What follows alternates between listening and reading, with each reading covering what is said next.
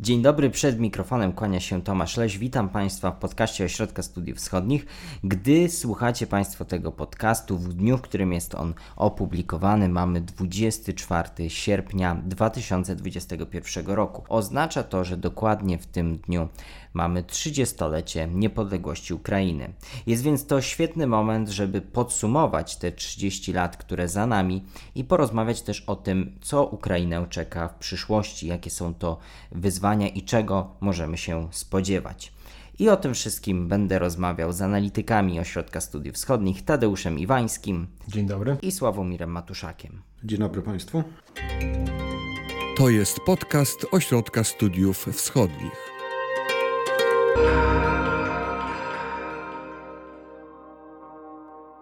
Zacznijmy może od gospodarki. Często takim przywoływanym porównaniem jest porównanie PKB per capita Ukrainy w momencie wchodzenia w niepodległość do analogicznego wskaźnika innych byłych republik radzieckich, takich jak Litwa, Łotwa czy Estonia, ale także do krajów takich jak Polska. E, porównanie to wypada w latach 90., na początku samym lat 90., na korzyść Ukrainy. To znaczy, jeżeli patrzymy na ten wskaźnik, to Ukraina była bogatsza, między innymi właśnie od Polski. Jak to się potoczyło później, wiemy, i chciałem Was zapytać, czy, czy to porównanie może być takim przyczynkiem do odpowiedzi na pytanie, czy Ukraina poniosła porażkę w swojej polityce gospodarczej? Znaczy, wydaje mi się, że by porównywać e, Polskę w 91 roku i Ukrainę w 91 roku, mimo że sam często stosuję takie porównanie, jest jednak niezasadne i tutaj jakby punktem wyjścia musi być to, że jednak Polska i inne kraje byłego obozu socjalistycznego to były funkcjonujące państwa z własną walutą, z własną administracją, ministerstwami i tak dalej. Natomiast na Ukrainie to były tylko albo to w formie szczątkowej, albo nie istniało. Ukraina była częścią jednego organizmu gospodarczego, Związku Radzieckiego. Była jakby e, nieodłącznie zintegrowana ze wszystkimi innymi byłymi e, republikami i tak naprawdę e, przerwanie tej integracji e, to oznaczało no, de facto katastrofę gospodarczą.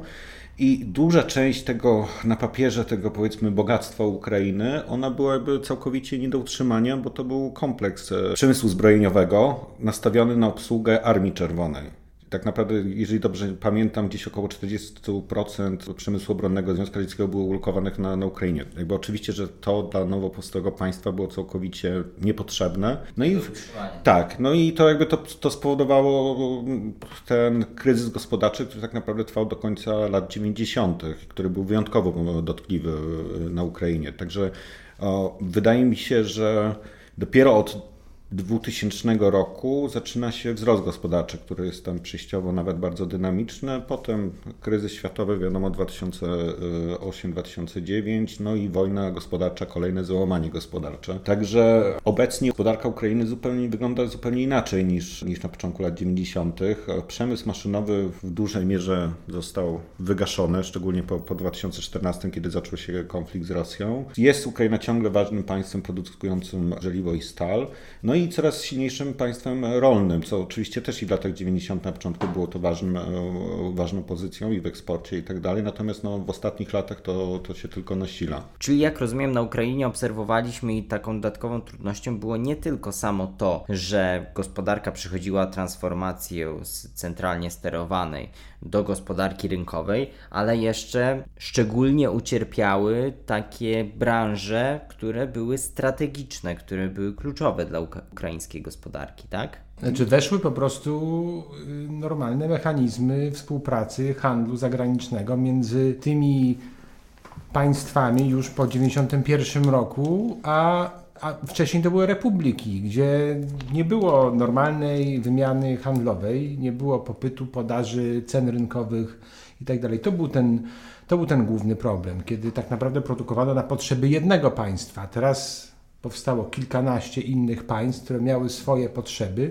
i tu zaczynał być problem z popytem, z podażą, z cenami surowców itd. Tak to, o czym mówił Sławek, o tym przemyśle zbrojeniowym, no to do tej pory prawdopodobnie gdyby zliczyć ilość fabryk uzbrojenia na Ukrainie, która padła po 1991 roku to jest całkiem, całkiem pokaźna lista, a ci te czempiony, jak chociażby Piłden Masz, produkujący rakiety, no, jakby ma, cierpi, on działa, ale cierpi na gigantyczny problem, jeśli chodzi o zamówienia, jest nierentowny, niekonkurencyjny. No jest takim właśnie jakimś złogiem Związku Radzieckiego, który prawdopodobnie mógłby być dobrze wykorzystany, ale właśnie no, są potrzebne nowe podejścia e, i prawdopodobnie duże pieniądze na modernizację. I to jeszcze, jeszcze wyzwaniem, jakby problem w tych pierwszych latach e, niepodległości ukraińskiej było całkowite nieprzygotowanie elit rządzących do, do, do skali wyzwań. To, to było jakby była nomenklatura komunistyczna, która nie miała zielonego pojęcia o gospodarce rynkowej i tak naprawdę przez pierwsze lata tam nie prowadzono żadnych reform, to było tak jakby w dużej mierze jakby samo się działo.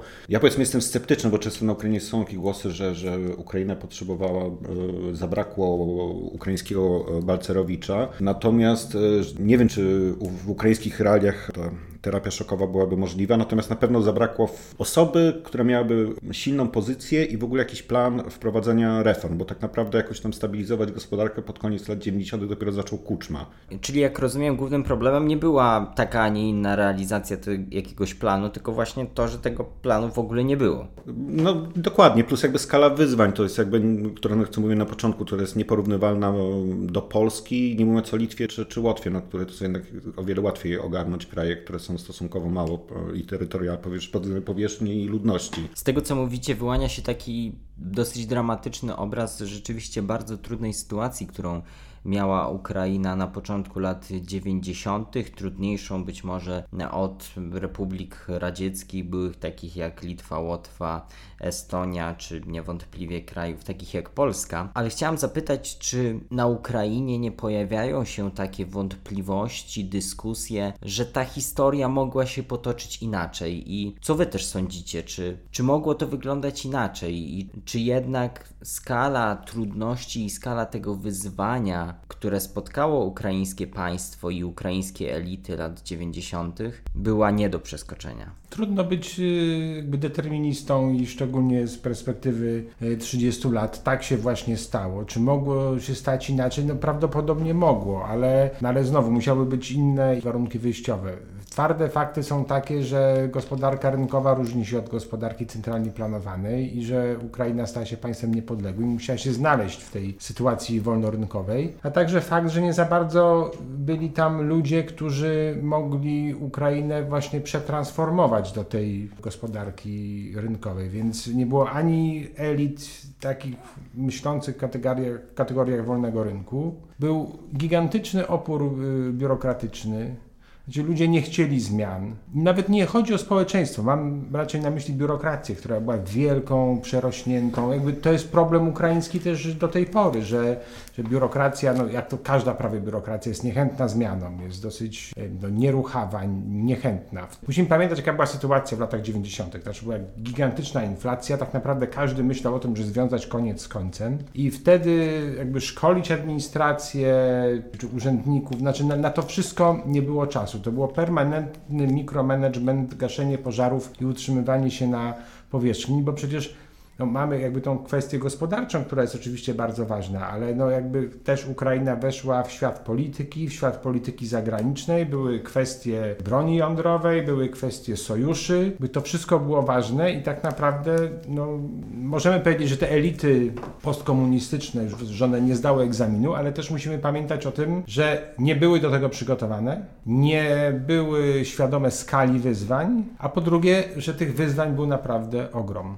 I to jeszcze ja bym dodał co do elit, musimy pamiętać, że do 91 roku Kijów to jednak był prowincją. Tak naprawdę z Ukrainy każdy, kto chciał robić karierę, wyjeżdżał do Moskwy, czy jakby Moskwa była e, tym e, centrum, ośrodkiem zasysającym jakby tych najbardziej e, dynamicznych, ambitnych osoby. A jednak Kijów, no to, to powiedzmy był jednak miasto nie troszeczkę, jakby oczywiście stolica dużej, ważnej republiki związkowej, ale jednak nie stolica Związku Radzieckiego. Jak już rozmawiamy o tym trzydziestoleciu, zwłaszcza w kontekście gospodarki, no to nie sposób nie powiedzieć o korupcji i o oligarchii. Chciałam zapytać o, o źródła Czy ten model reform, a właściwie często brak reform, czy to niejako stworzyło ten system, albo przynajmniej było takim czynnikiem, który, dzięki któremu ten system wzrósł i był taką bardzo podatną glebą, żeby wykształciły się te układy korupcyjne czy oligarchiczne?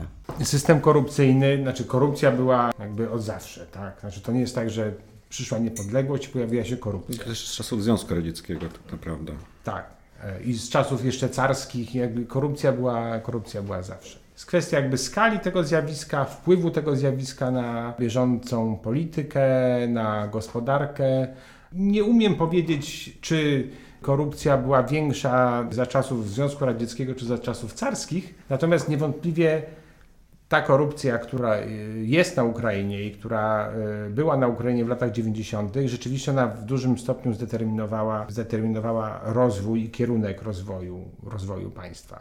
Ta korupcja, ona ma swoje historyczne i kulturowe powody, tak? Pamiętajmy o tym, że Ukraińcy, którzy mieli dosyć y, silne poczucie pewnej odrębności, pewnej tożsamości, a w każdym razie duża część Ukraińców zamieszkałych czy w południowej części Cesarstwa Rosyjskiego, później w południowej części Ukraińskiej Republiki, czy jeszcze wcześniej części monarchii e, habsburskiej, no nie mieli jednak swojego państwa. Tak? Także w pewnym sensie sposobem na to, żeby jakoś funkcjonować, było oszukiwanie tych różnych okupantów, tych władz, które nie były nasze ukraińskie. Można to traktować jako y, swego rodzaju usprawiedliwianie, natomiast y, moim zdaniem coś w tym rzeczywiście, coś w tym rzeczywiście jest. I teraz jakby nawet jak się pojawiło niepodległe państwo, to, no to jakby nie da się takiego nawyku, który jest od wielu pokoleń, który jest po prostu swego rodzaju codziennym modus operandi, po prostu zrzucić.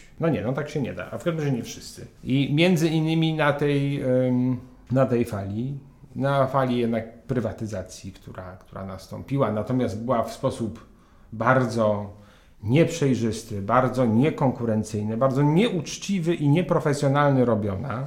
Prywatyzacja kuponowa, gdzie ludzie tak naprawdę nie wiedzieli, co oni mają zrobić z tymi kuponami, z tymi udziałami w poszczególnych przedsiębiorstwach, a po które zgłosili się ludzie, którzy wiedzieli, co trzeba z tym robić, więc jedno w połączeniu z drugim tak naprawdę stworzyło warunki, w których y, mógł powstać, mogła powstać ta, ten system oligarchiczny, tak, który oczywiście jest w sposób absolutnie nierozerwalnie związany z korupcją. Do oligarchów jeszcze na pewno wrócimy, ale zanim chciałem zatrzymać się trochę przy kwestiach związanych z tożsamością. Niedawno były Mistrzostwa Europy w piłce nożnej i tam ukraińską reprezentację prowadził były już selekcjoner Andrzej Szewczenko i Duże kontrowersje były związane z postacią trenera, właściwie z językiem, który on się posługuje. On stara się, co prawda, mówić po ukraińsku, ale głównie mówi po rosyjsku. I stało się to przedmiotem dosyć dużych kontrowersji. I tutaj używam tego przykładu po to, żeby pokazać pewnego rodzaju zmianę i, o was, i was o nią zapytać, bo Andrzej Szewczenko kiedyś był no, bardzo uznanym piłkarzem i mówił wtedy po rosyjsku i wtedy to problemem nie było. Miał ogromny status jako piłkarz na Ukrainie. Dzisiaj to już jest problemem to, że on głównie, głównie mówi po rosyjsku. Czy na tym przykładzie możemy powiedzieć o pewnego rodzaju zmianie i czy tą zmianę rzeczywiście obserwujemy, tą zmianę w tożsamości, w podejściu do języka Ukraińców? To jest oczywiście duża zmiana i ona jest na dwóch poziomach.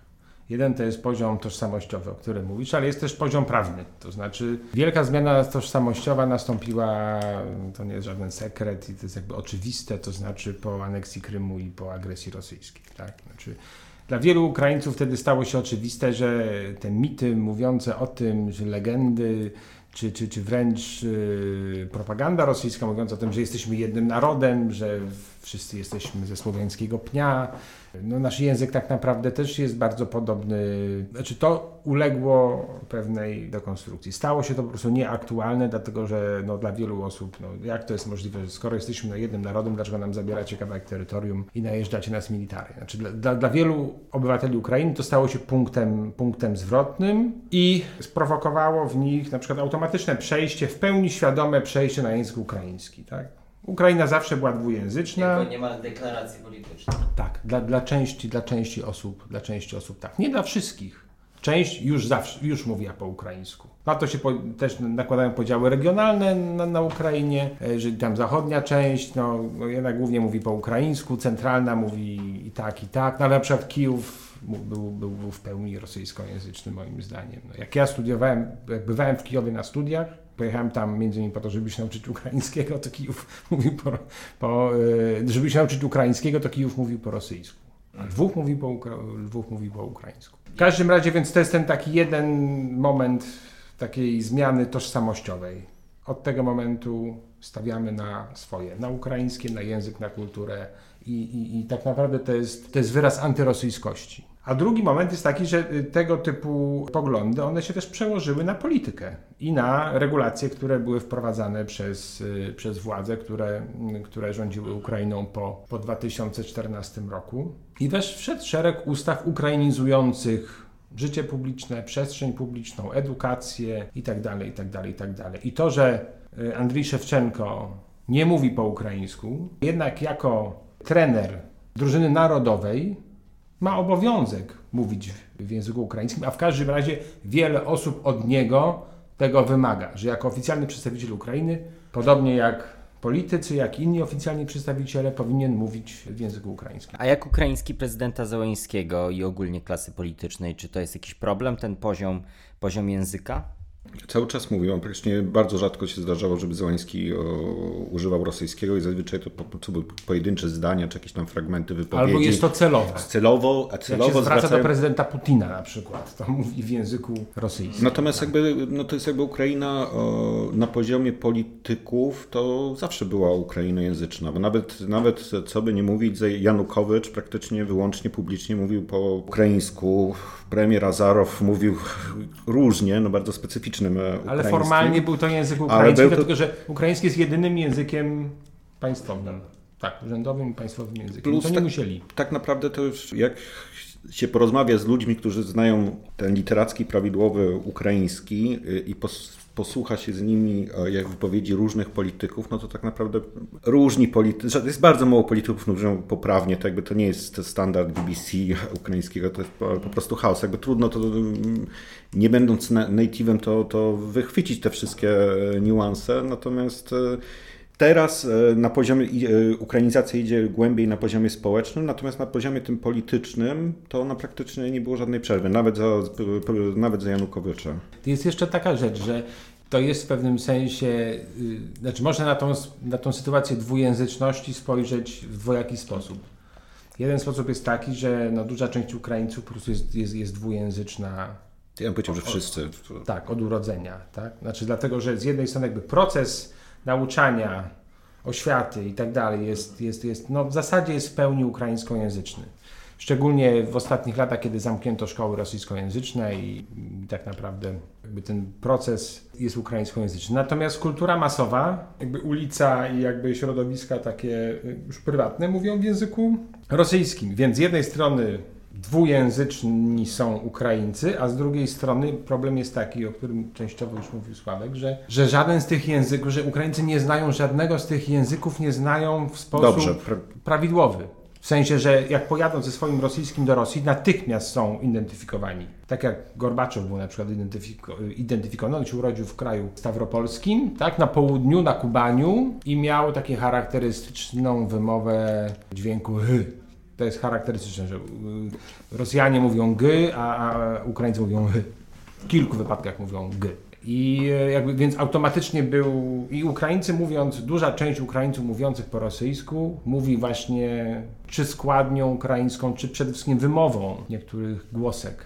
Więc są automatycznie y, identyfikowani jako, więc mówią nieprawidłowo po rosyjsku. I to tak, te, także działa w drugą stronę.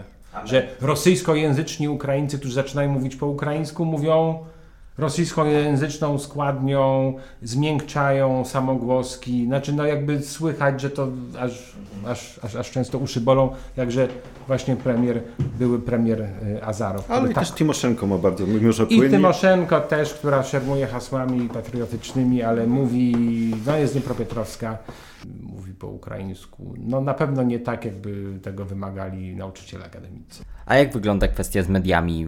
W jakim języku one nadają i w jakim języku Ukraińcy odbierają środki masowego przekazu?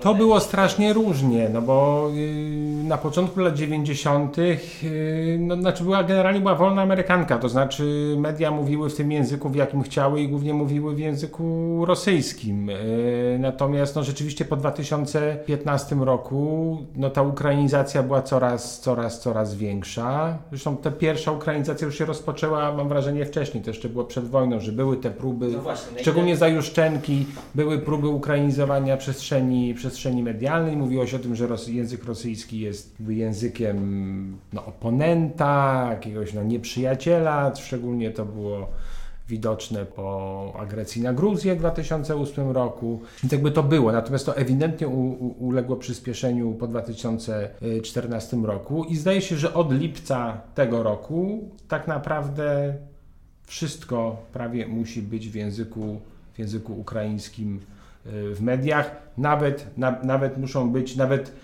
o ile wcześniej filmy rosyjskojęzyczne i seriale mogły być, mogły być tylko na podpisy w języku ukraińskim, teraz muszą być dublowane. No tak, ale to jest jakby to po prostu nie działa. Kanały się zbuntowały i puszczają tak jak wcześniej, argumentując to, że się nie zdążyły przygotować, choć miały na to bodajże dwa lata. Natomiast y, rzeczywiście mimo wszystko idzie ukrainizacja, tak jeżeli popatrzeć tam powiedzmy na okres 10 lat, szczególnie to było widoczne po, po 2014, na przykład wszystkie talk showy i tak dalej, które wcześniej jednak było dużo rosyjskiego, w tej chwili jest, mam wrażenie, w, w tych dyskusjach jest go coraz mniej. Tym bardziej, że tam znowu Ukraińcy są dwujęzyczni, więc jest całkowicie normalne, że jak jest talk show, dyskusja, jeden gość mówi po ukraińsku, drugi mówi po rosyjsku. Ale są też jakieś kwoty, jeśli chodzi o piosenki i języki, w których one są śpiewane. Ponad połowa musi być treści w języku ukraińskim. Wcześniej też były takie kwoty, ale one były w trakcie doby, więc jakby wszystkie stacje radiowe piosenki ukraińskie puszczały po północy, kiedy nikt tego nie słuchał. Natomiast tutaj wprowadzono rzeczywiste kwoty, które rzeczywiście zaczęto egzekwować i to spowodowało po 2015 jakby eksplozję ukraińskiej twórczości, muzyki, bo się okazało, że po prostu wcześniej, wcześniej jakby się nie opłacało w ogóle śpiewać po, po ukraińsku. To pewnie też jest tam jakiś czynnik, który nakręca taką ukrainizację. Tak, znaczy to jest jakby proces, który jakby on idzie, oczywiście państwo go jakoś tam wspiera.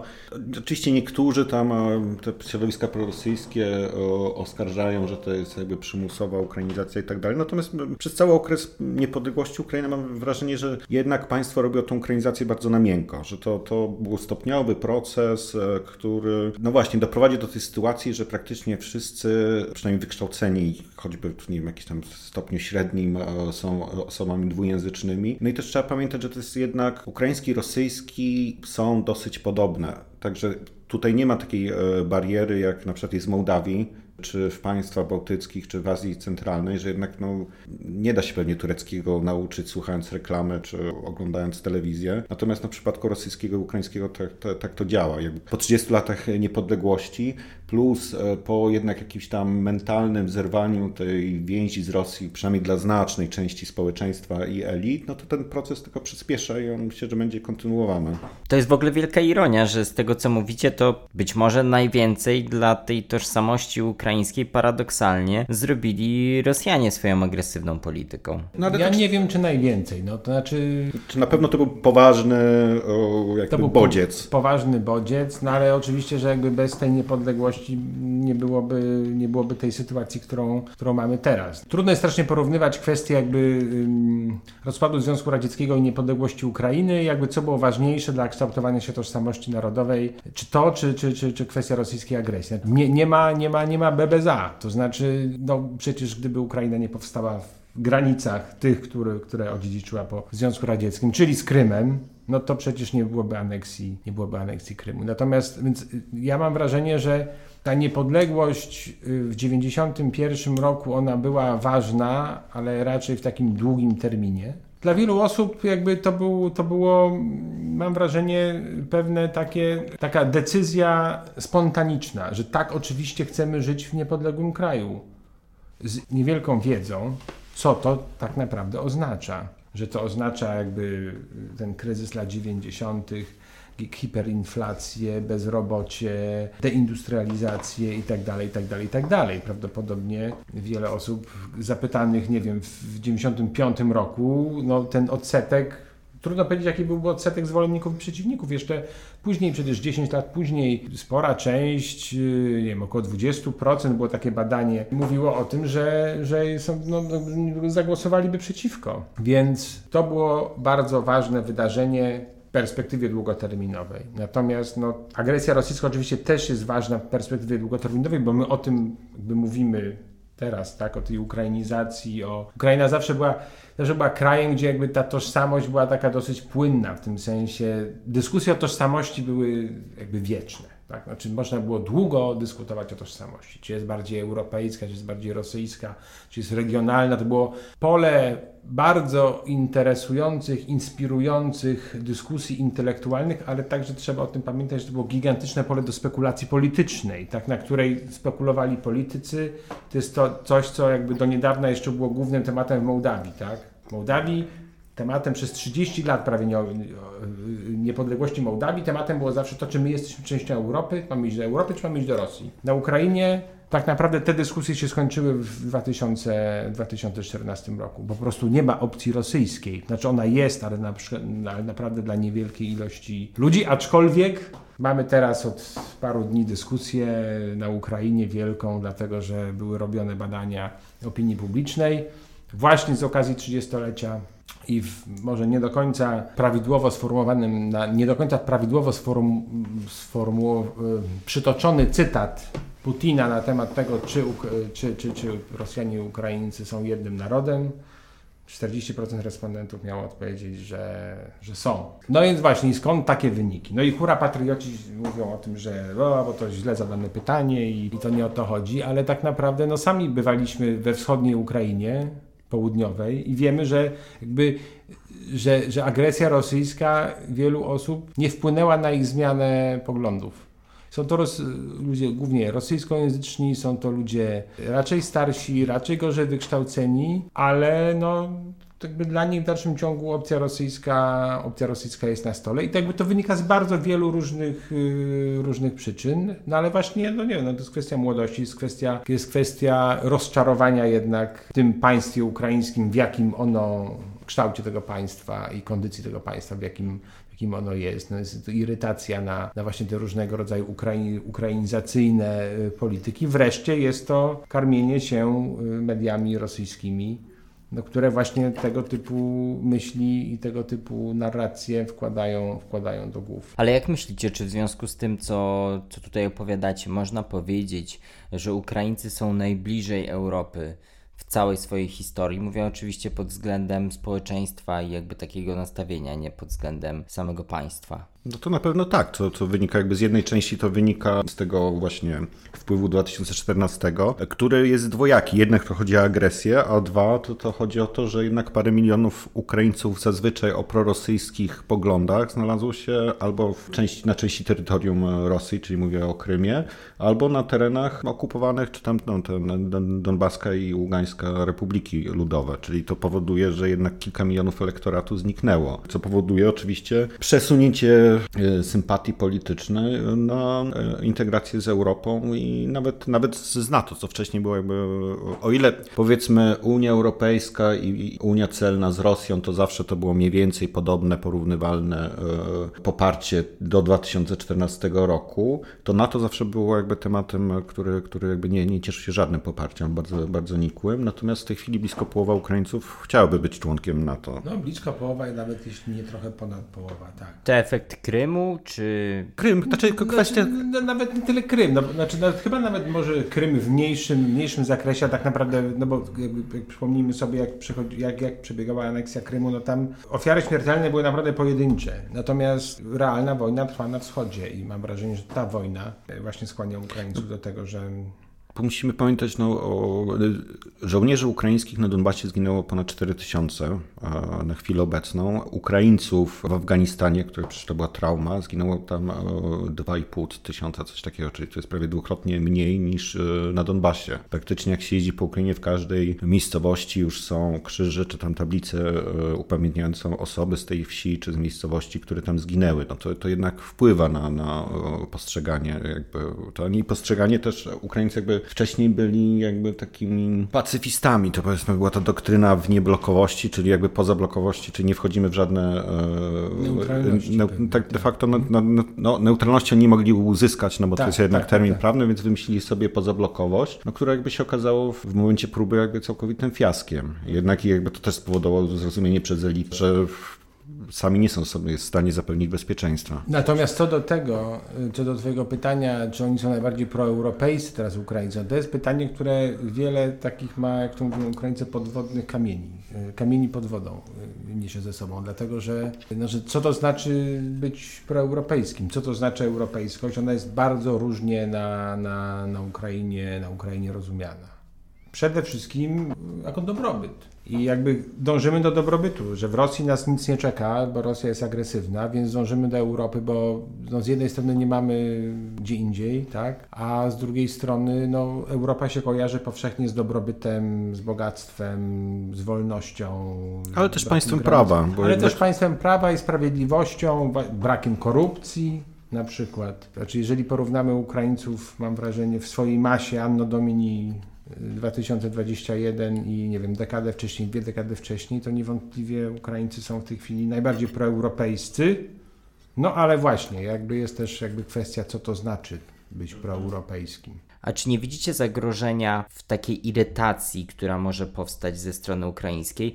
Bo perspektywa członkostwa w Unii Europejskiej Ukrainy, czy też w NATO, no prawdopodobnie nie jest perspektywą jakiś najbliższy, jakiegoś najbliższego czasu, więc czy Ukraińcy nie będą zniecierpliwieni tym, że Unia Europejska, struktury zachodnie nie chcą ich przyjąć na prawach członkowskich? Czy nie powstanie właśnie jakiś rodzaj zniecierpliwienia, irytacji, który może w jakimś stopniu te procesy prozachodnie odwrócić? No jest takie zagrożenie oczywiście, jakby widać, znaczy szczególnie, znaczy inaczej, to, to nie, tego nie widać na poziomie badań opinii publicznej, żeby jakby to rozczarowanie wobec Europy, żeby ono następowało, bo ten poziom poparcia dla, dla Europy i dla Unii Europejskiej, integracji z Unią Europejską jest mniej więcej taki sam, bardzo wysoki. Natomiast widać to na poziomie przekazu politycznego, to znaczy coraz częściej słychać tą irytację, to zniecierpliwienie, tą pewną roszczeniowość, ze strony i prezydenta Zeleńskiego i ministra spraw zagranicznych, jakby ich ten przekaz jest coraz bardziej taki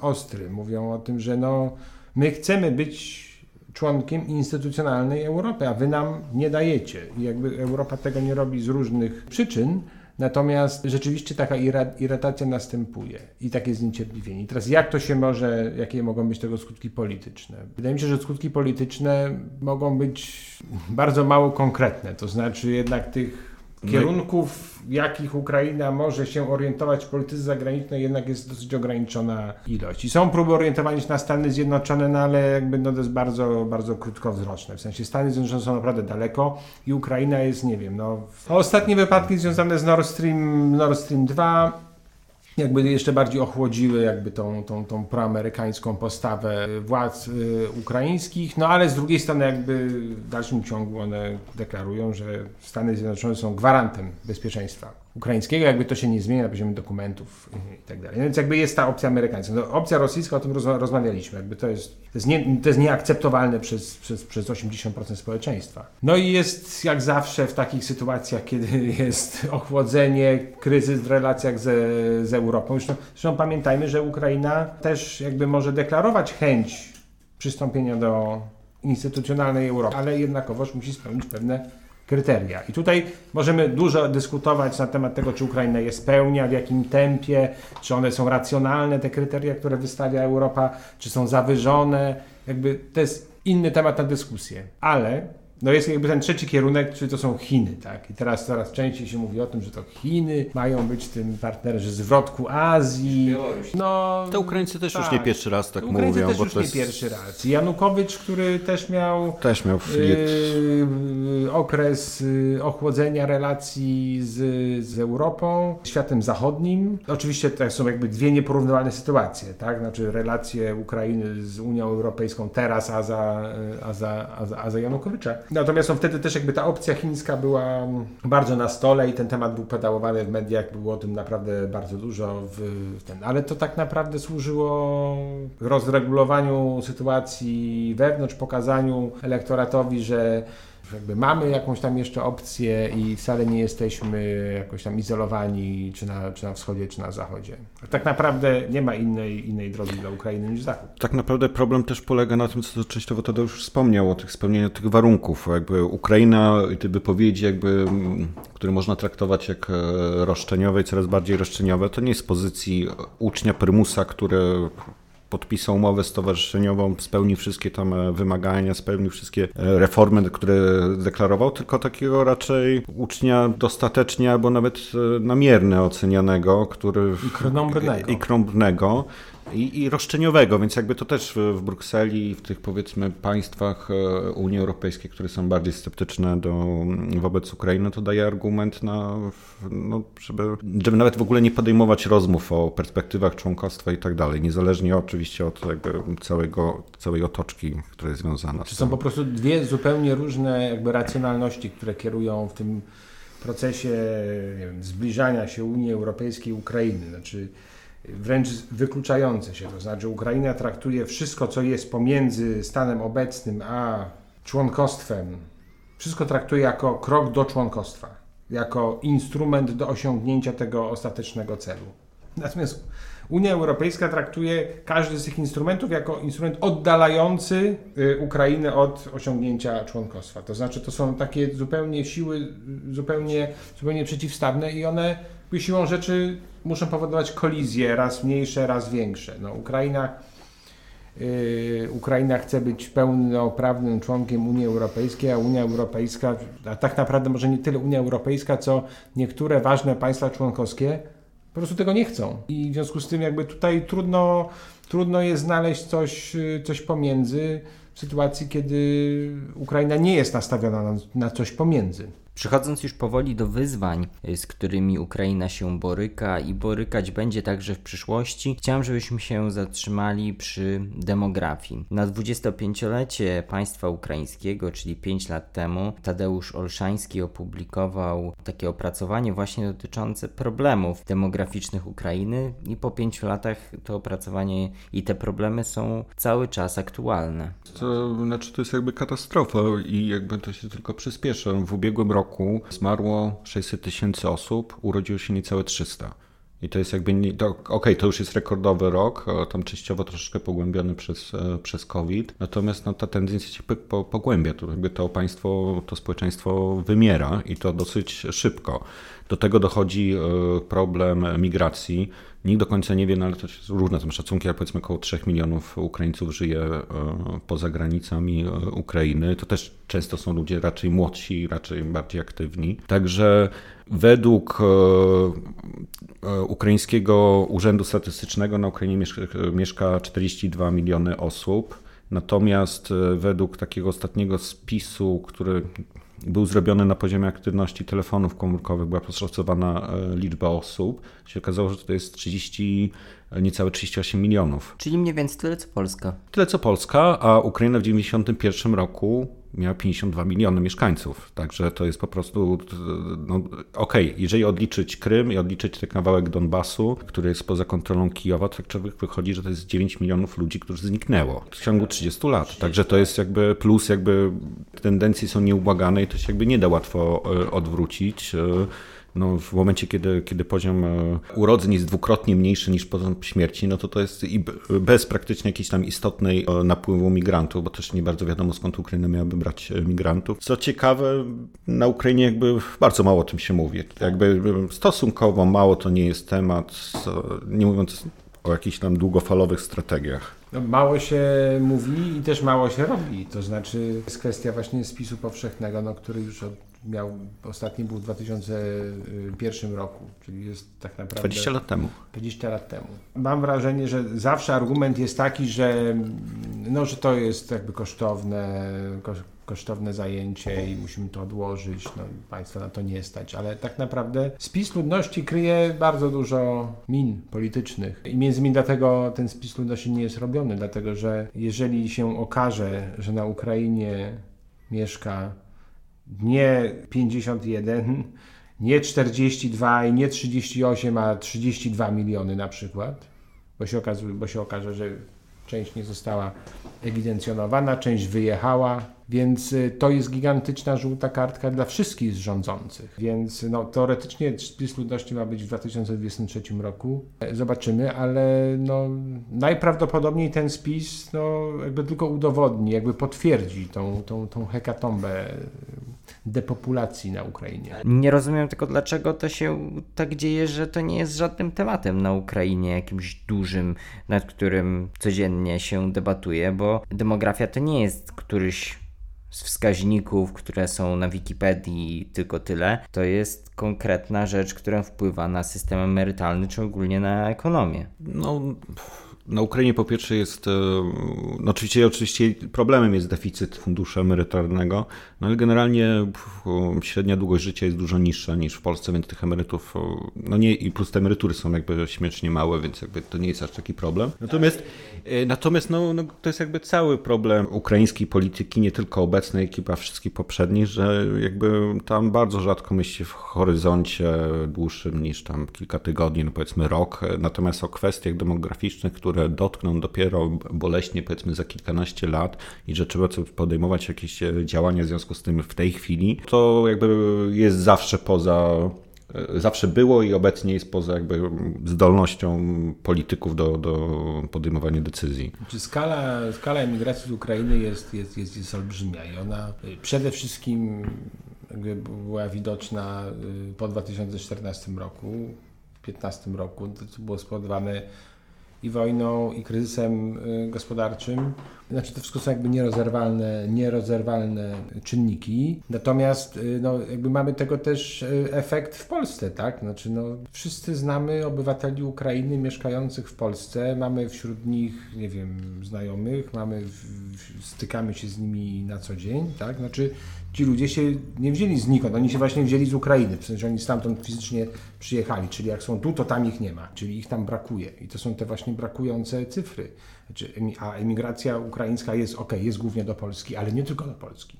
W sensie Ukraińcy emigrują e, do różnych krajów, więc no, ja y, byłem y, dwa tygodnie temu na zachodniej Ukrainie i, i, tam znaczy, skala tego procesu jest gigantyczna. Znaczy, bardzo wiele osób nie wyobraża sobie życia na Ukrainie, chce wyjechać do Polski. Polski staje się bardzo popularnym językiem zarówno na poziomie szkół prywatnych, będących w systemie edukacyjnym Ukrainy, staje się bardzo popularny na poziomie prywatnych szkół językowych. Coraz więcej ludzi, Ukraińców chce się uczyć języka polskiego z myślą o tym, żeby samemu wyjechać na studia lub, lub do pracy, albo dołączyć do rodziny, która już tam jest, albo do przyjaciół, którzy już tam są, albo opiekować się dziećmi swoich dzieci, którzy już wcześniej wyjechali do Polski po to, żeby, żeby zarabiać. Jakby popularność języka polskiego, popularność w szkołach prywatnych, w szkołach państwowych. Polski staje się bardzo często drugim językiem. W szkołach podstawowych ukraińskich można wybierać sobie drugi język obcy. W sensie yy, rodzice decydują o tym, jaki to będzie drugi język. Pierwszy jest angielski, drugi język obcy wybierają. Tak jak my wybieramy francuski i niemiecki. I tak jak Ukraińcy wybierali bardzo często niemiecki i francuski wcześniej, tak teraz od, od, od paru lat jakby język polski jest jest liderem. To pokazuje dopiero, nie wiem, pojechanie do tych też takich mniejszych miejscowości ukraińskich i patrzenie, że w wielu bardzo miejscach nie ma podstawowej takiej siły roboczej w postaci, nie wiem, każda knajpa szuka y, kelnerów, nie wiem, obsługi barowej, każda, nie wiem, nie, nie, brakuje pomocy medycznej. Znaczy, znaczy, strasznie dużo naprawdę ludzi wyjeżdża i to widać tam. Są polskie firmy, które penetrują rynek ukraiński w tym celu, żeby ściągnąć y, ukraińskich lekarzy do Polski. I to są lekarze bardzo często, którzy nie młodzi lekarze przed specjalizacją, tylko bardzo często lekarze z doświadczeniem, którzy przepracowali w ukraińskiej służbie zdrowia za 2000 zł oficjalnie miesięcznie 20 lat i w wieku lat 45 uznają, że to jest ostatni moment, żeby poprawić swoje życie i wyjeżdżają. Pozostając w temacie wyzwań, które czekają ukraińskie państwo, przed którymi to państwo cały czas stoi, chciałem wrócić do wcześniej poruszonej kwestii oligarchizacji i oligarchii. To jest dosyć ważny temat w tym momencie na Ukrainie. Prezydent Zełęński deklaruje chęć walki z oligarchią i ogłasza kolejne kroki i kolejne działania, które mają temu celowi przyświecać. Jest to, tak jak mówiłem, w tym momencie ważnym tematem na Ukrainie. Czy ta walka jest skuteczna i czy może doprowadzić do tego, że za kilka lat, nie chcę powiedzieć, że oligarchowie nie będą mieli wpływu na ukraińską politykę, czy takie zjawisko jak oligarchia nie będzie istnieć, ale że ich wpływy będą już zdecydowanie mniejsze niż to ma miejsce dzisiaj. Ja zaraz oddam głos Sławkowi, tylko powiem, że to jest pytanie, czy to rzeczywiście jest walka.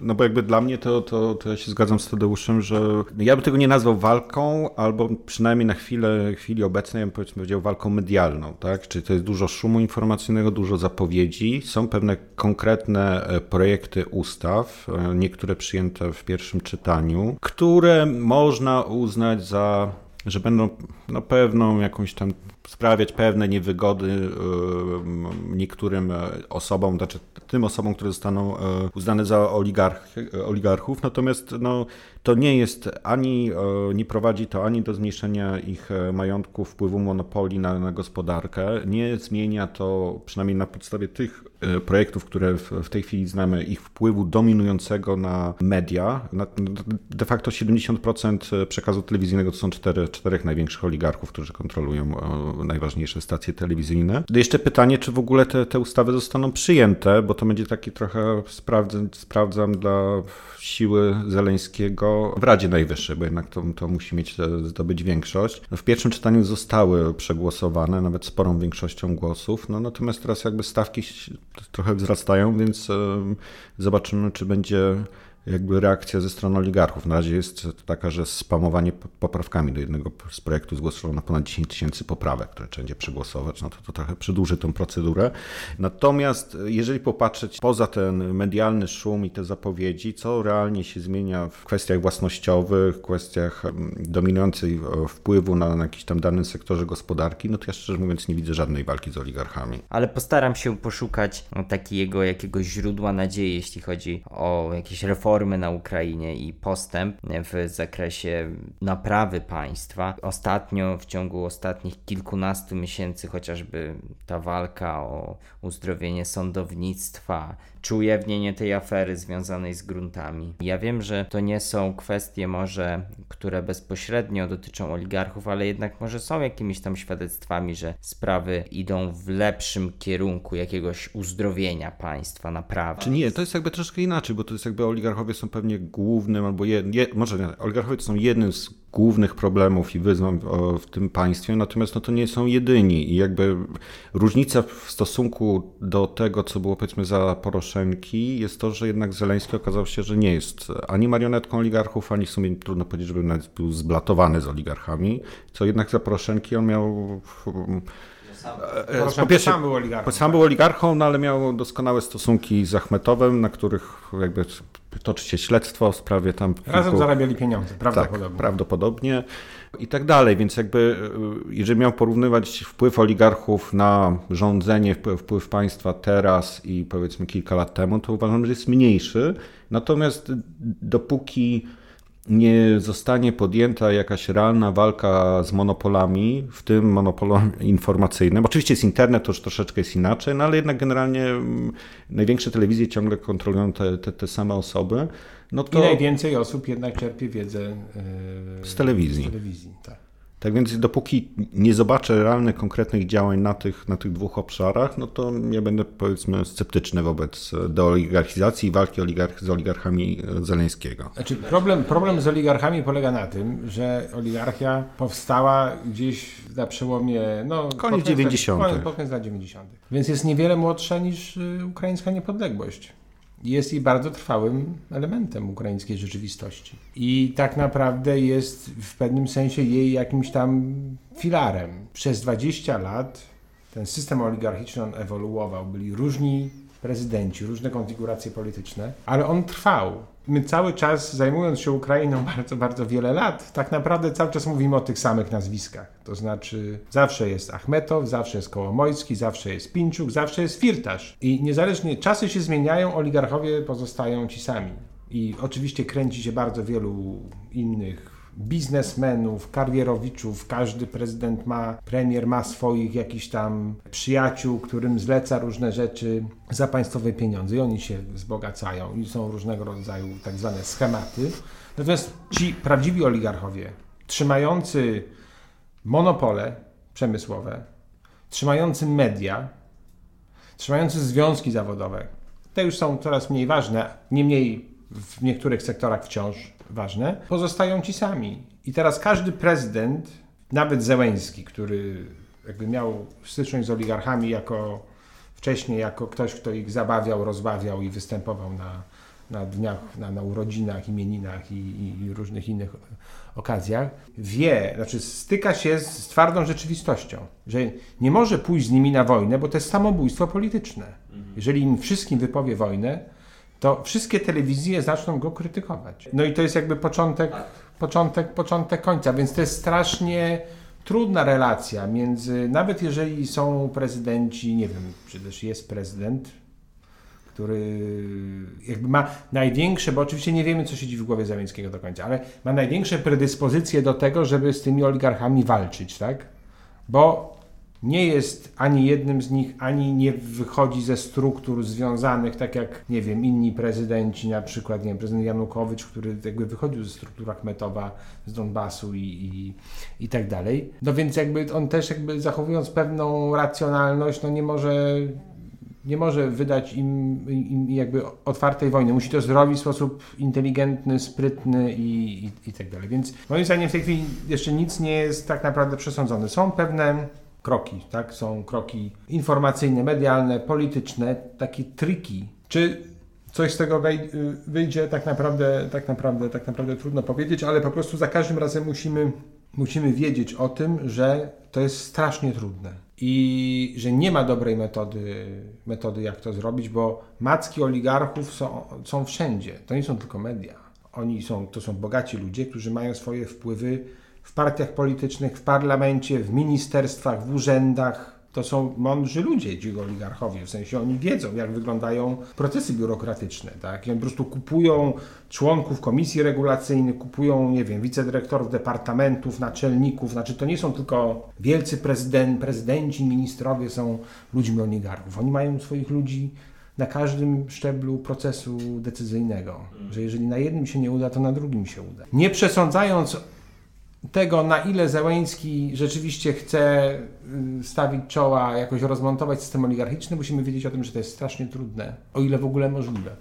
To na koniec chciałem Was poprosić o taką listę albo to, co według Was jest najważniejsze, jeśli chodzi o wyzwania, które czekają Ukrainę i Ukraińców, nie tylko prezydenta Zełańskiego, ale całe państwo ukraińskie w najbliższych latach, a może nawet w perspektywie tych kolejnych 30 lat ukraińskiej niepodległości? No na pewno demografia, na pewno, bo z, demogra z demografią związany jest rozwój gospodarczy, z, z demografią związana jest polityka. Kwestie systemowe, oligarchiczne są w jakimś stopniu wyzwaniem, ale tutaj ja bym raczej mówił, że może dojść do pewnej korekty systemu niż do jakby do wywrócenia E, tego systemu. E, poza tym no, pamiętajmy o tym, że dużo będzie zależało od tego, w jaki sposób Ukraina się będzie dostosowywać do tych zmian, które. Dokładnie, się co będzie się na świecie. Wokół niej, dlatego że Ukraina nie jest państwem, które jakby jest w stanie zadecydować o, o, wielu rzeczach, wpłynąć na pewne globalne procesy. Raczej jest państwem, które jest y, przedmiotem tych procesów, jest obiektem tych, tych, tych procesów. I teraz jest pytanie, na ile będzie zdolna do być może y, wpływania na niektóre, na, na, proces decyzyjny, na ile będzie elastyczna w absorpcji skutków tych. I tutaj jakby mówimy o wiele o, o, różnych rzeczach. No, mówimy o kwestiach politycznych, nie wiem, polityce Rosji, polityce Zachodu, jedności Zachodu wobec Rosji, wobec Ukrainy. Przyszłości Unii Europejskiej. Przyszłości Unii Europejskiej. Mówimy o kwestiach, nie wiem, klimatycznych, mówimy no, też zagrożeniach uniwersalnych, które są które są ważne dla, dla, dla całego globu. Więc y, jak do tej pory przez te 30 lat, no Ukraina, pamiętajmy o tym, że Ukraina się nie rozpadła, nie została, nie zniknęła jako państwo, co jest, co jest pewnym plusem, jeżeli patrzymy jakby Nie, nie jest na poziomie tak. Białorusi, tak. czyli jakby już państwem, które jest jakby może nie w przededniu, ale blisko jednak pełnej integracji z Rosją, nazwijmy to tak, no to jednak Ukraina jakoś mm, odnosi sukces. Jednak. Tak, znaczy jeżeli popatrzymy na Ukrainę przez te 30 lat, właśnie o tym, od czego zaczęliśmy naszą rozmowę, tak, o tym, co się działo w 90 i skali wyzwań. Pierwszym i tych, tej skali wyzwań, znaczy tego, tej beznadziei, która była wtedy i braku pomysłu w ogóle, co można zrobić, braku środków, braku koncepcji, no w tej chwili widzimy, że Ukraina jest na kompletnie innym tym. Można, możemy dyskutować czy pewne rzeczy można było zrobić lepiej, pewnie można było zrobić lepiej oczywiście szybciej, pewnie też, ale w tym dłuższym okresie czasu do Ukraina, jak to mówią Ukraińcy, wystojała. Czyli, że jakby tak, dała radę, jest państwem słabym, jest państwem biednym, ale jest państwem suwerennym, z politykami i społeczeństwem świadomymi swojej odrębności i swojej sprawczości więc y, biorąc pod uwagę ten punkt startu, to wcale nie jest zły rezultat po 30 latach. Procesy, chociażby wybory, odbywają się na Ukrainie w sposób regularny, transparentny, w sposób, transparentny, w sposób uczciwy.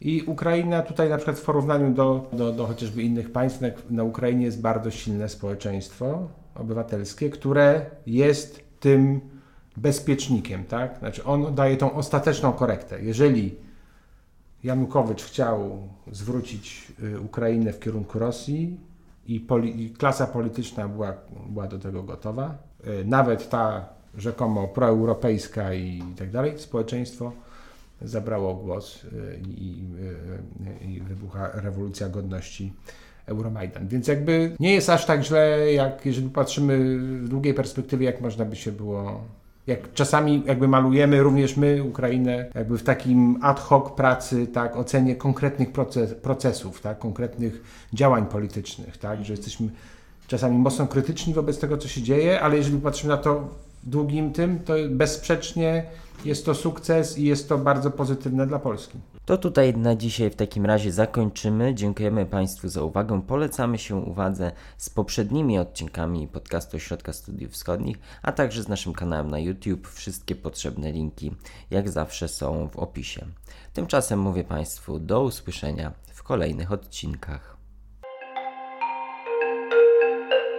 Wysłuchali Państwo podcastu Ośrodka Studiów Wschodnich. Więcej nagrań można znaleźć na stronie www.osw.waw.pl.